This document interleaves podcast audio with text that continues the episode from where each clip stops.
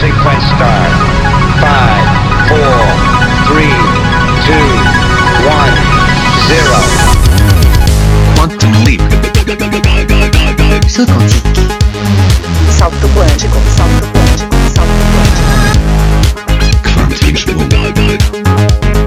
Salto quantico. Salto quantico. Salto quantico. Kvanthopp, det du inte visste att du ville veta. Kvanthopp till er tjänst, Markus Rosenlund här. Goddagens på er gott folk. Ni vet hur det ibland händer saker som man känner att man egentligen inte förtjänar.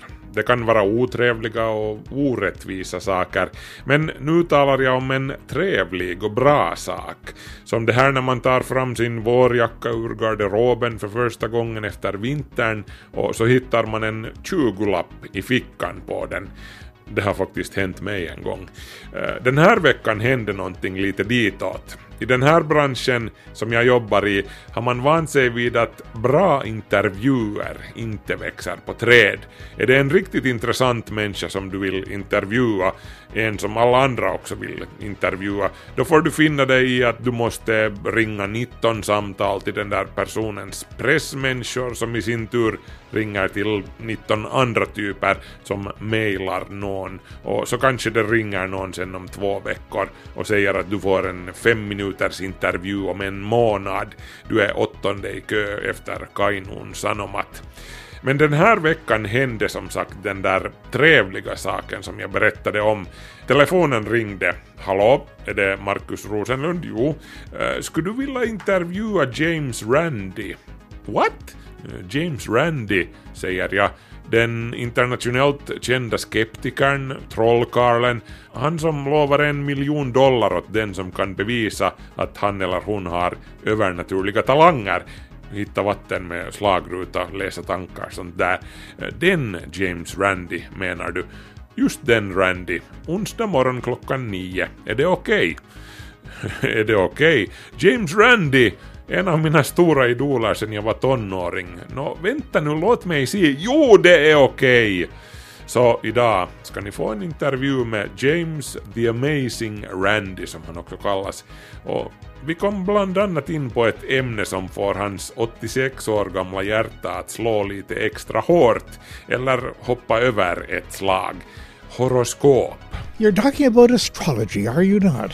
Astrology is just about the, the, the, the most ridiculous notion that ever affected humanity. Senare i programmet ska vi fortsätta på temat från förra veckan, det här som kallas digital skymning, när våra digitala bilder och filmer hotar gå upp i ettor och nollor för att våra nya datorer inte läser de gamla disketterna eller för att någon hårdskiva med 10 års foton på sig kraschar och det finns ingen säkerhetskopia.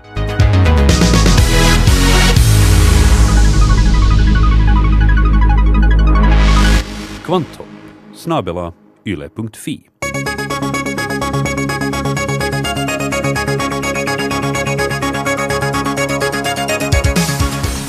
En anteckningsbok som tillhörde matematikern och kodknäckaren Alan Turing, den moderna datorns fader som han också kallas, har sålts på auktion i New York för en miljon dollar och lite på.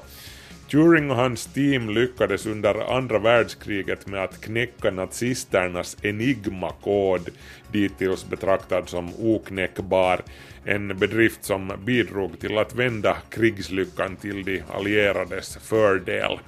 Den nu aktuella anteckningsboken på 56 sidor härstammar från 1942, tiden då Turing jobbade vid Bletchley Park, det brittiska centret för kryptoanalys, och den är så vitt man vet den enda av Turings längre handskrivna dokument som återstår.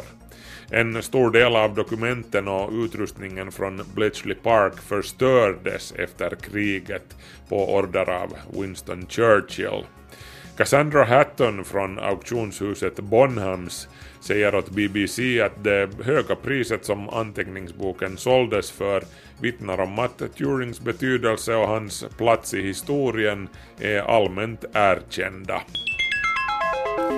En hälsosam livsstil skyddar dig inte från hjärt och kärlsjukdomar och ett liv som tobaksrökare och softpotatis placerar dig inte heller automatiskt i riskgruppen. Det här är enligt en färsk avhandling vid Sahlgrenska akademin i Göteborg. För sin avhandling studerade Jana Gustafsson cirka 2000 personer i Stockholms och Göteborgsområdet som insjuknat i hjärt och kärlsjukdomar. Syftet var att undersöka samverkan mellan genetiska faktorer och livsstil och att forska i orsaken till att vissa människor är särskilt känsliga för en ohälsosam livsstil medan andra knappt påverkas alls. Det är lite av ett lotteri, säger Gustafsson. En del människor har en genvariant som gör dem extra känsliga för till exempel rökning.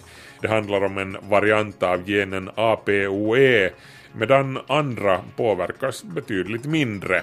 Gustafsson menar ändå att det självklart är bra att inte röka och att motionera, men har man otur med generna så är sannolikheten ändå ganska stor för att man insjuknar. Och har man de rätta generna så har man en viss immunitet mot tobakens och fetmans faror. Solens närmaste stjärngranne i rymden, dubbelstjärnsystemet Alpha Centauri, på ynka 4,5 ljusårs avstånd, kan hysa inte mindre än två planeter i jordens storlek, skriver tähdetet Avarus. Den första upptäcktes 2012 men i brist på bekräftande observationer tror man att det kan ha varit falskt larm. Helt nyligen riktade amerikanska forskare rymdteleskopet Hubble mot Alpha Centauri och lyckades inte få syn på planeten i fråga. Eventuellt kretsar den i en omloppsbana som gör att den inte passerar framför sin sol sett ur vår synvinkel och då är den lite svår att få syn på. Eh, däremot såg forskarna tecken på en annan liten stenplanet i storleksklass med jorden Eh, bägge de här föreslagna planeterna kretsar hur som helst så nära sin sol att flytande vatten och liv som vi känner till det är uteslutna. Men forskarna menar ändå att de här planetfynden i Alpha Centauri, om de kan bekräftas, ökar på sannolikheten för att det finns andra jordliknande planeter i omloppsbanor längre ut från kärnan. Borde vi förbjuda tiggeri? Därom tvistade de lärde i Sverige.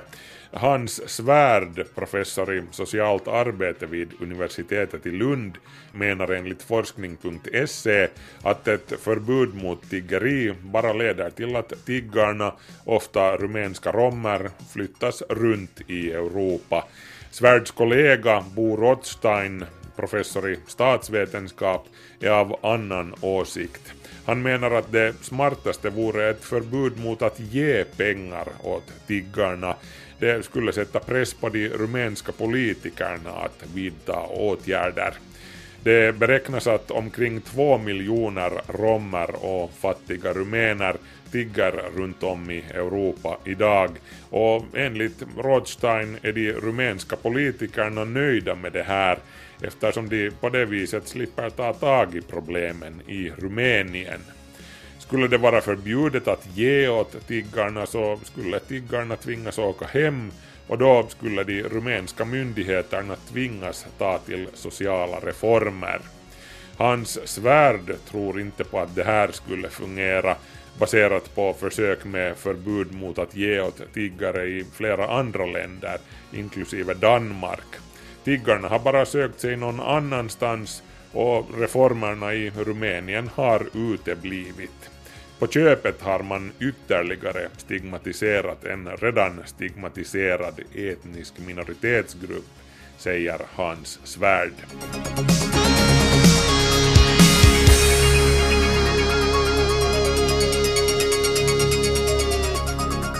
Kvanthopp, det du inte visste att du ville veta. Gentlemen, I'm the amazing Randy. The amazing Randy. The amazing Randy. A conjurer, prestidigitator, liar, cheat, and fake. the life of Harry Houdini reads very similar to the life of James Randi. If you're going to get your head cut off, you go to the best guy. Amazing Randy was the best guy. Randall James Hamilton Zwinge, bättre känd som James Randy eller The Amazing Randy, 86 år gammal, ger inte upp. Född i Kanada, numera amerikansk medborgare. Eh, Randy är trollkar, han är utbrytarkung med två rekord i Guinness rekordbok. Han är författare, han är TV-stjärna och filmstjärna, Han är den globala skeptikerrörelsens galjonsfigur. Eh, Randy har varit skeptiker sedan tiden innan min mamma föddes och kommer sannolikt att lämna striden mot vidskepelse och villfarelser med fötterna före. Randy är just nu i Helsingfors för att delta i skeptikerkonferensen Think Helsinki Think och jag fick en chans att träffa min gamla idol och oj, vad han är liten är det första jag tänker när jag skakar hand med den bräckliga gamla magikern i sin svarta kappa, eh, komplett med det vita skägget och käppen med en dödskalle som knopp. Han, han kunde komma direkt ur någon av Tolkiens sagor. Och vad då bräcklig förresten? Hans ögon blixtrar till med en blick som säger mig att försök inte med mig om du vet vad som är bäst för dig jag vill ju inte bli förvandlad till en padda eller någonting så jag beslutar mig för att bete mig som folk och låta bli att bjuda Randy på homeopatiskt te eller någonting. Men oj, alltså var ska man börja med en legend som Randy? Alla dessa frågor som snurrar i huvudet.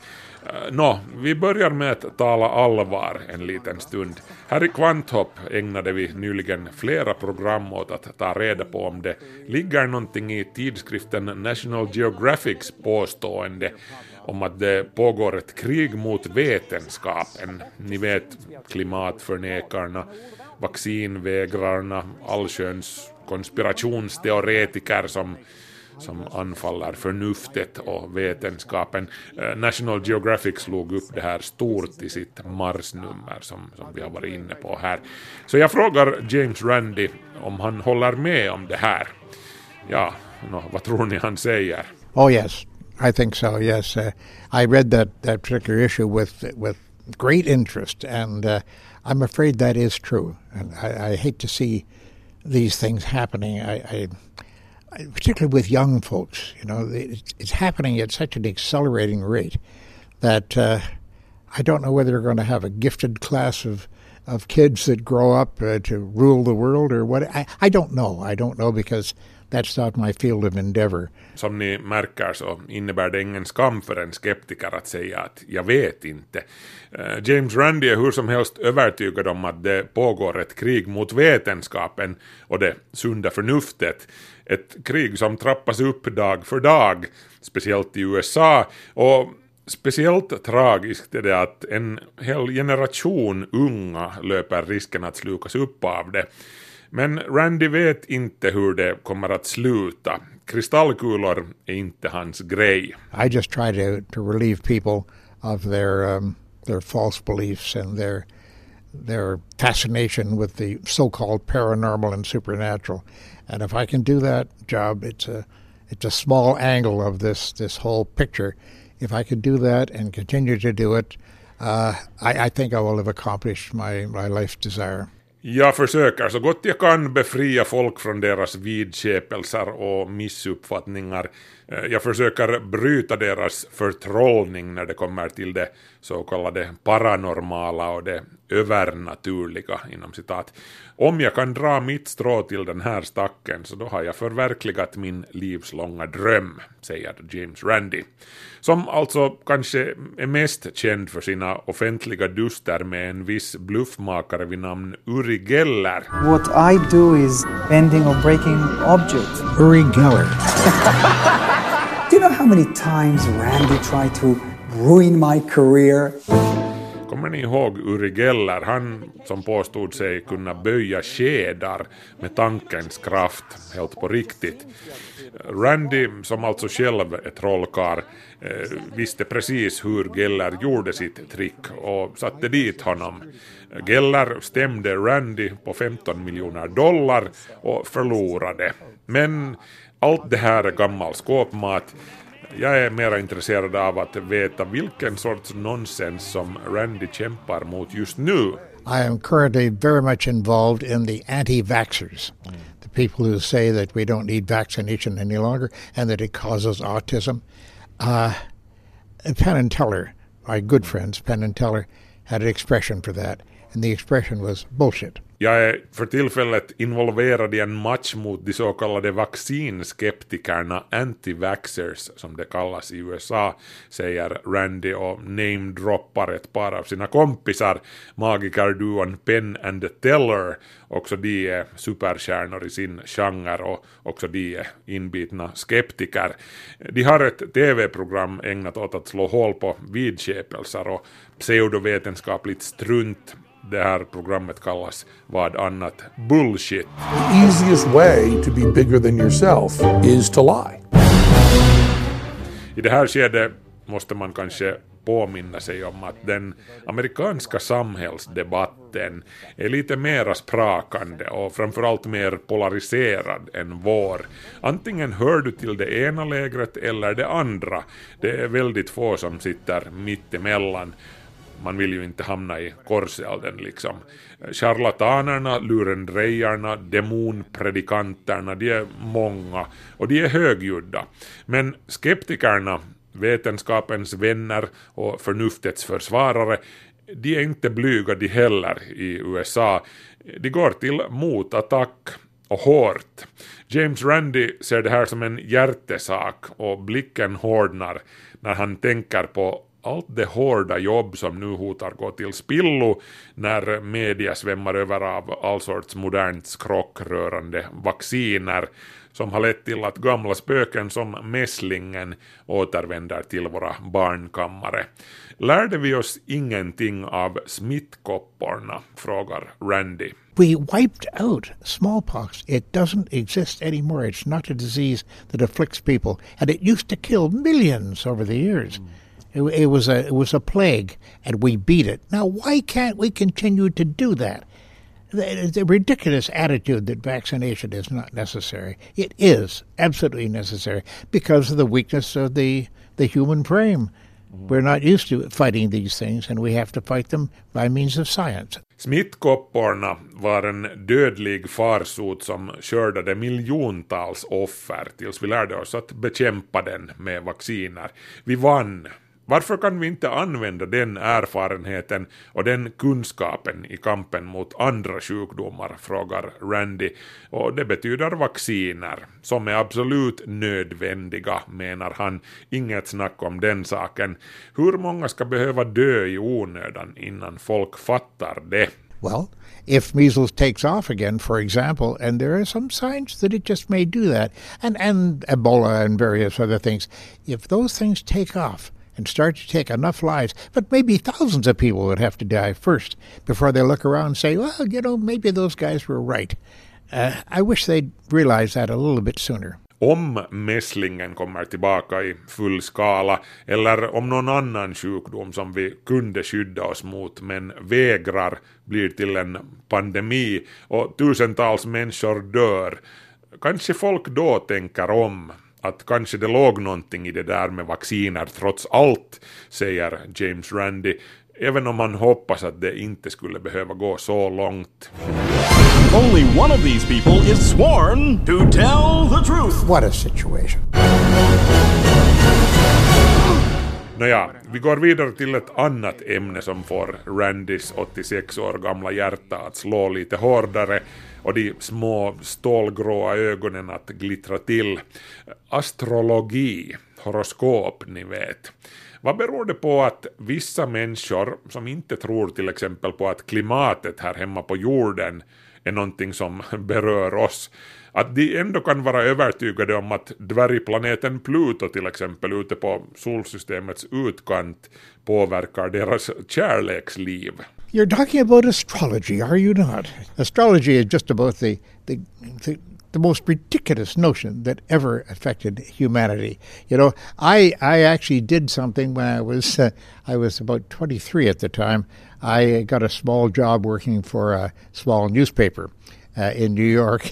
And uh, I actually wrote an astrology column under the name of Zoran. That's Zodiac and Randy combined, you see. How clever. James Randi berättar om den där gången för många årtionden sedan då han var ung och beslöt sig för att testa det här med vad man kan slå i folk. Så han tog anställning på en tidning som horoskopskribent vad annars. Randys artistnamn var Zoran, en kombination av Zodiaken och Randy. And uh, what I did was I simply took horoscope magazines and with scissors I clipped out all of the predictions for several months, mixed them all up in a hat, and then I literally in a hat. And then I just glued them up on the page and gave it to the typesetters. Randy, eller Zoran som han kallade sig, klippte alltså ut spådomar från diverse horoskoptidningar som han hittade och lade dem i en hatt, bokstavligen. Därifrån fiskade han sedan upp spådomar på måfå och klistrade dem på ett papper under de olika stjärntecknen. Sen gav han pappret till typsättaren och så var det horoskopet klart. And one night when we were putting the paper to bed, as they say in the trade, uh, I was sitting there at two o'clock in the morning having coffee, and a lady saw the recent issue of this newspaper, and she said, "Oh, may I see it, please?" And she turned to the Zoran column, and uh, I just watched her face, and she said, "He's right, you know. He's so right." Well, at that point, I gave up Zoran. And it continued for a few weeks afterwards in the newspaper, but I was no longer a fake astrologer. I had learned my lesson. Randy, som på den här tiden ännu hade lite svårt för att tro på att någon kunde ta en sån här grej som något annat än oskyldig underhållning, satt en morgonnatt efter att tidningen hade gått till tryck och drack en kopp kaffe när en dam bad om ett exemplar av tidningen för hon ville läsa Zorans horoskopsida. Oj, men han har ju fullständigt rätt, menade damen. Hur visste han? I det här skedet förstod Randy att han lekte med elden och sade upp sig som fuskastrolog. Finns det förresten någon annan sorts astrologer? Eh, en erfarenhet rikare var han hur som helst. Jag berättar för James Randi om sporalogin, en alternativ form eller en parodi på astrologi som utvecklades av Svensk-Finlands egen professor Nils Mustelin, även han en känd skeptiker och personlig bekant med James Randi för övrigt. Randi han kände till sporologin som alltså går ut på att ditt liv påverkas av var spårvagnarna i Helsingfors råkar ligga just i det ögonblicket då du föds. Och det här fungerar alltså så att spårvagnarna, som ju ligger mycket närmare i förhållande till dig än planeterna och stjärnorna, eh, att de med sin egen tyngdkraft inverkar på dig där du ligger på barnmorskeinstitutet no, James Randi han fnyser åt det här. Well, I think the electromagnetic effect of the trams is much stronger than the gravitational pull. But Nils would be laughing at that, of course, you see. Randy menar att det ju naturligtvis är spårvagnarnas elektromagnetiska inverkan som styr ditt liv, inte gravitationen som de utstrålar. Men, menar han, Nils Mustelin skulle ju skratta åt den här tanken.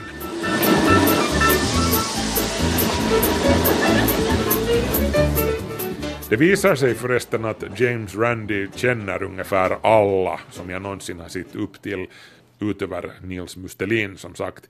Randy var god vän med Arthur C. Clarke, Isaac Asimov och naturligtvis alla tiders största skeptikerlegend Carl Sagan För att nu inte tala om vår tids största ärkeateist och provokatör, Darwins bullterrier Richard Dawkins. Alla de här är personer som ateisten James Randi betraktar som det närmaste man kan komma till gudar och uppmanar alla att stifta bekantskap med deras texter. Då blir världen en bättre plats, säger han. Th- These people are, are such gods to me. And Richard Dawkins. Oh, Richard Dawkins alone. I, I know him well, and uh, oh, if I had a god, it would be Richard Dawkins. What do you think he would said, say to that? Oh, yeah, no, he, he doesn't like that idea at all.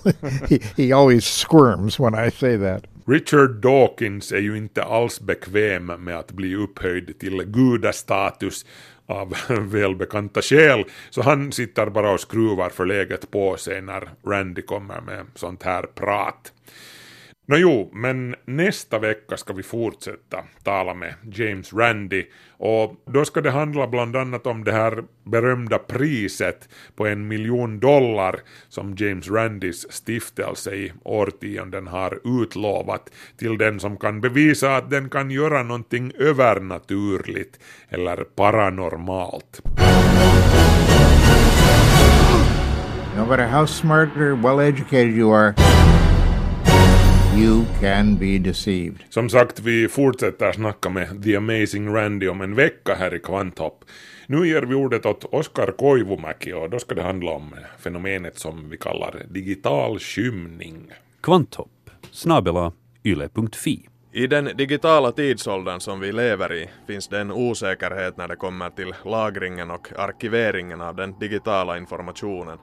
Det talas om en digital skymning och vissa experter fasar för att vår generation lämnar efter sig ett digitalt svart hål i folkminnet. En stor del av vår tids mänskliga samverkan sker ju på ett eller annat sätt via olika skärmar digitalt. Hur många digitalfoton kommer att finnas kvar om sig hundra år? En annan aspekt av problematiken med digital arkivering är lagringsenheterna som snabbt föråldras och blir oläsbara för nya maskiner. Om du köper en dator idag är det inte sagt att den har en CD-ROM-station. Om fem år kanske USB-minnet är en del av historien. Dessutom har det visat sig att vissa av de digitala lagringsmedierna har en så pass dålig hållbarhet att det inte alls är sagt att ettorna och nollorna sitter kvar efter tio år. Jag åkte till Nationalbiblioteket för att tala med Esa-Pekka Keskitalo som arbetar som chef på avdelningen för informationssystem. Han jobbar bland annat för att vi ska undvika skräckscenariot med den digitala skymningen. Han om någon har koll på digital förvaring. Mä oon vastannut äh, digitaalisen julkaistun kulttuuriperinnön pitkäaikaissäilytyksestä. Eli se tarkoittaa sitä, että kansalliskirjasto kerää verkosta talteen suomalaisia verkkoaineistoja ja pyrkii säilyttämään ne pysyvästi eli ikuisesti. Samalla tavalla kuin kansalliskirjasto kerää talteen kaikki Suomessa painetun julkaisuperinnön. Esa-Pekka Keskitalo ansvarar alltså för vårt digitala kulturarvs långtidsarkivering. Eli, eli painettuja aineistoja kansalliskirjasto on kerännyt vuodesta 1707 alkaen ja, ja vuodesta 2006 alkaen ollaan kerätty digitaalista aineistoa ja periaatteessa koskaan mitään ei heitetä pois. På samma sätt som Nationalbiblioteket har samlat in det tryckta kulturarvet ända sedan början av 1700-talet har man sedan 2006 arkiverat finländskt webbmaterial digitalt. Filerna är tänkta att sparas för evigt och ingenting raderas. Jag frågar Keskitalo vad han tror om den digitala skymningen.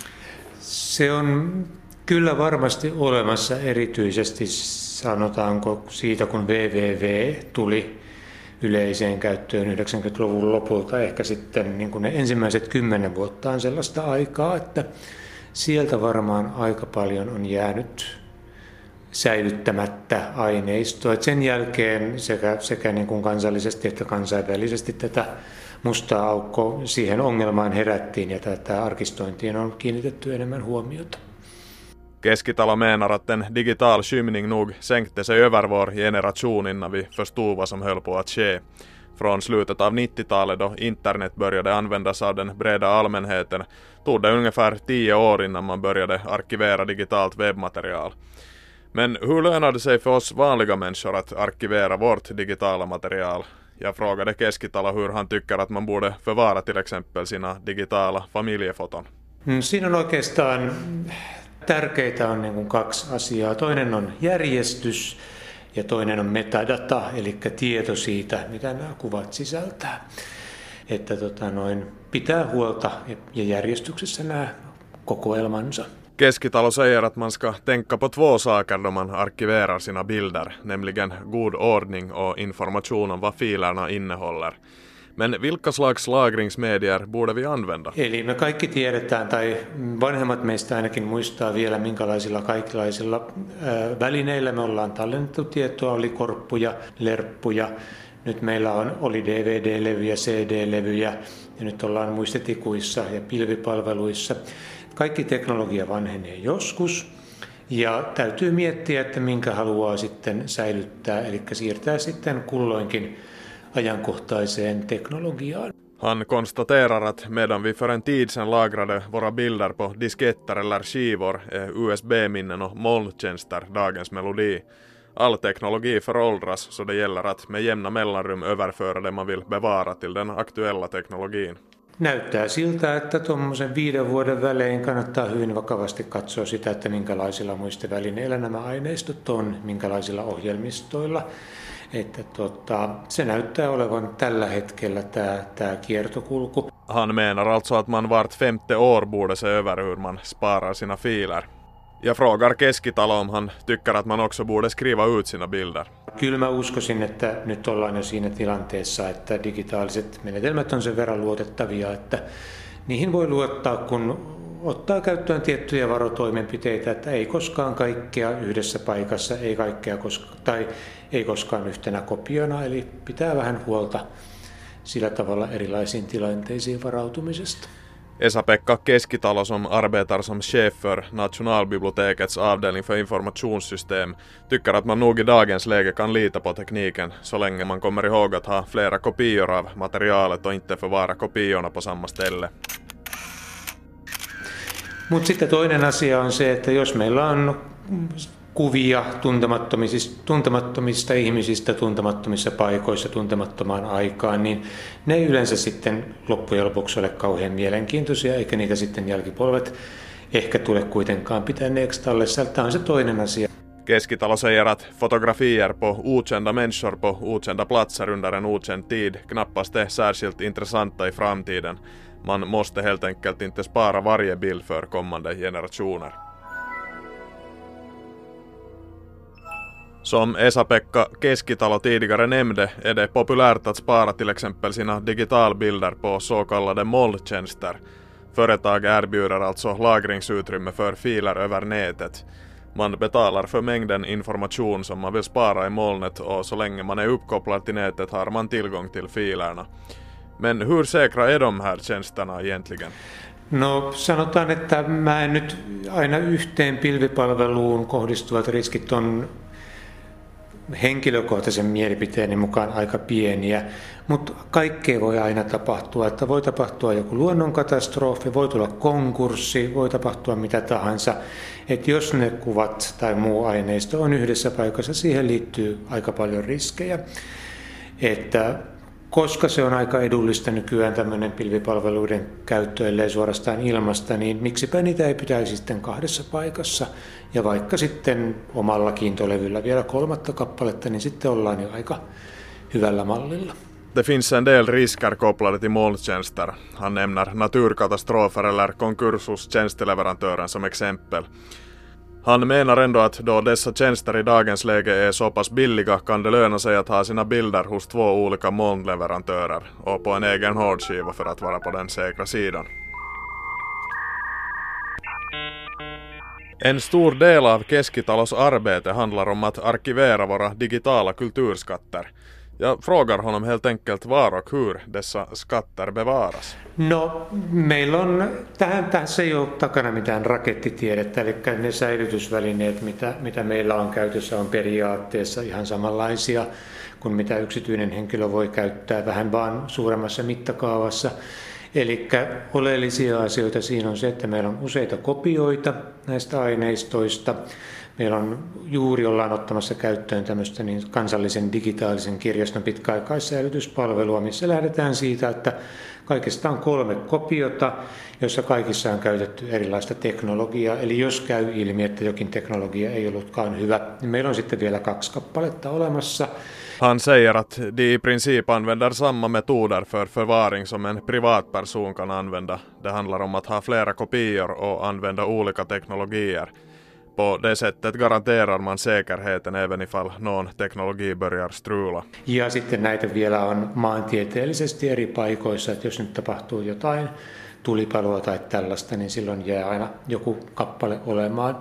Ja sitten näitä kolmea kopiota vielä säännöllisin väliajoin verrataan toisiinsa, koska saattaa tapahtua, että ihan spontaanisti joku bitti jossakin muuttuu ja aiheuttaa ongelmia, niin, niin tota, kolmella päästään aina siihen, että jos kaksi on samanlaista ja yksi on erilainen, niin tiedetään, että se yksi on se, joka on muuttunut ja voidaan korjata takaisin samanlaiseksi kuin nämä kaksi muuta.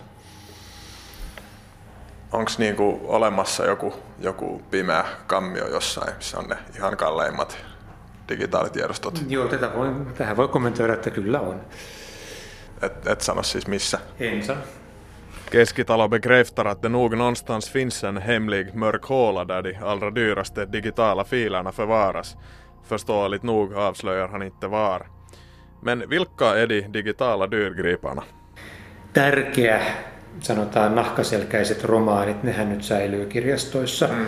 aika hyvin, mutta sitten tämmöinen, mitä me kutsutaan pienpainatteiksi, erilaiset mainoslehtiset tai konserttiohjelmat ja tämän tyyppiset, niin ne on sellaista, että niitä on viiden vuoden kuluttua enää hyvin vaikea löytää mistään muuta kuin meidän kokoelmista.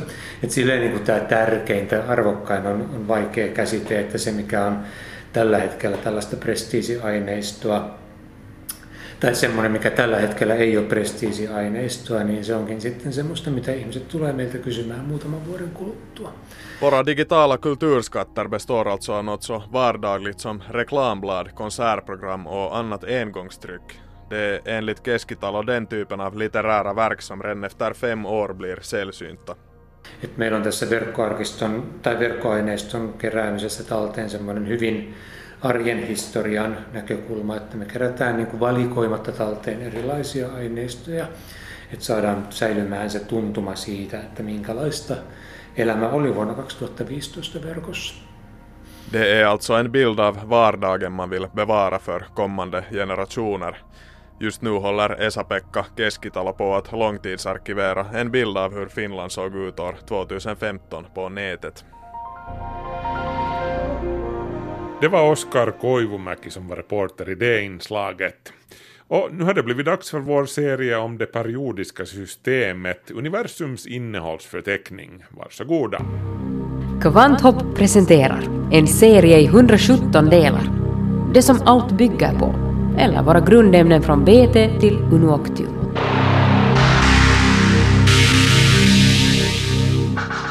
Atomnummer 92, uran, en radioaktiv metall som hör till aktiniderna. Uran hör ju definitivt till kändisarna i det periodiska systemet, en som de flesta har någon sorts åsikt om, för eller emot, beroende på var man står i kärnkraftsfrågan, eller när det gäller Obamas Iran-politik, för det är ju det som det handlar om. Ska Iran ha rätt att anrika uran eller inte? För det finns ju alltid en risk att de använder det anrikade uranet till det där andra som uran är bra till. Eller är det nu bra eller inte? Tja, men i alla fall kärnvapen.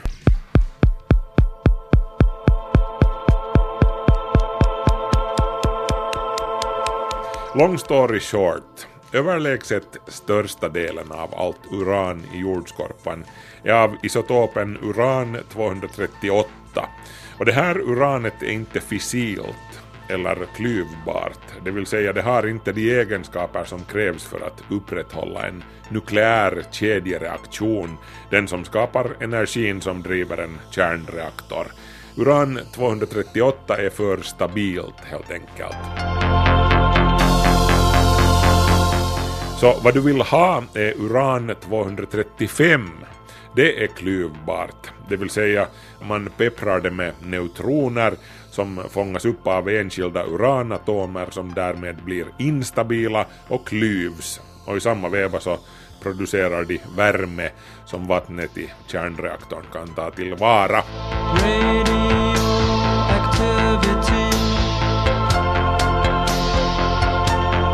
Om man inte dämpar den här processen med så kallade bromsstavar som stryper neutronflödet så kan den skena utom kontroll och då hettas reaktorkärnan upp så att vi får en härdsmälta, vilket vi ju faktiskt inte vill ha.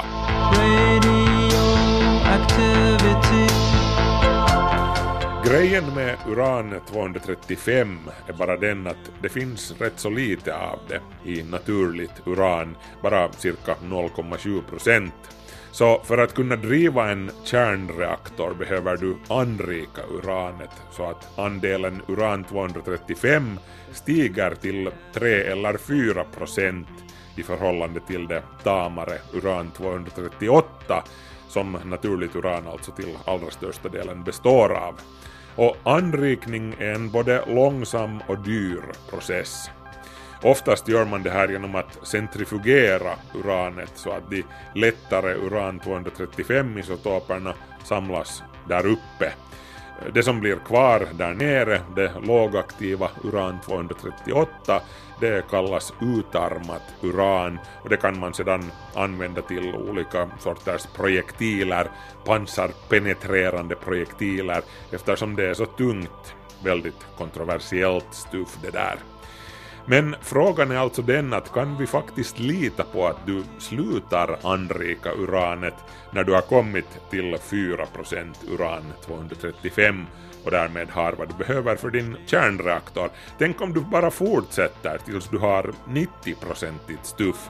Då kan du bygga dig en atombomb om du vet vad du gör. Men låt bli det, är du snäll.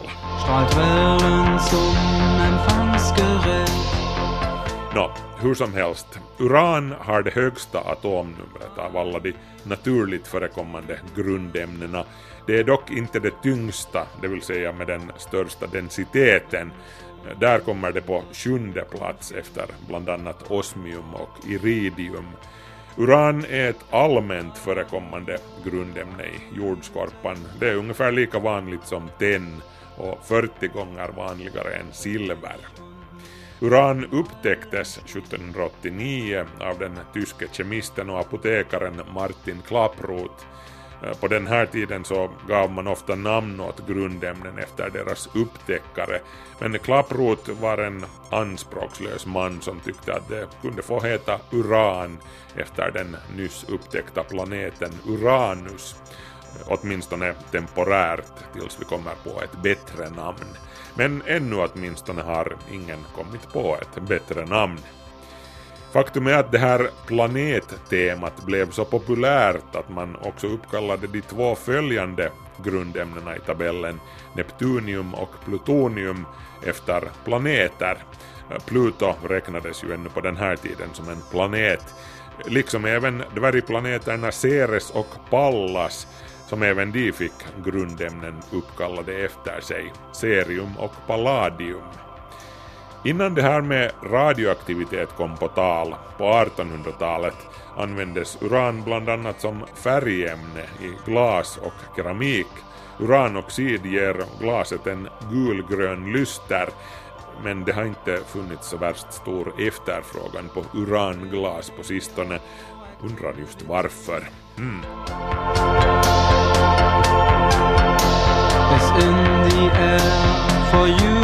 me Finlands berggrund är relativt rik på uran, så vi får hela tiden små mängder uran i oss med dricksvattnet och med maten. Uranhalten i urinen hos människor som dricker borrbrunnsvatten kan ligga på samma nivå som hos soldater som har fått i sig splitter från granater gjorda av utarmat uran. Men den största risken med att dricka uranhaltigt brunnsvatten har faktiskt inte med radioaktiviteten att göra, den är så pass låg i naturligt uran. Snarare ligger faran i att uran är en giftig tungmetall som orsakar skador speciellt på njurarna.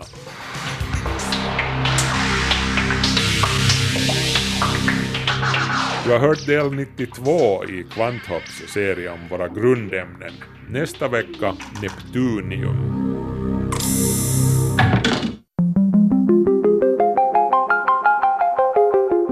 Kvanthopp, det du inte visste att du ville veta. Det var det hörni. Kvanthopp är slut för den här veckan. Markus Rosenlund heter jag. Kom ihåg att kolla in vår Facebook-sida och så hörs vi om en vecka. Hej så länge.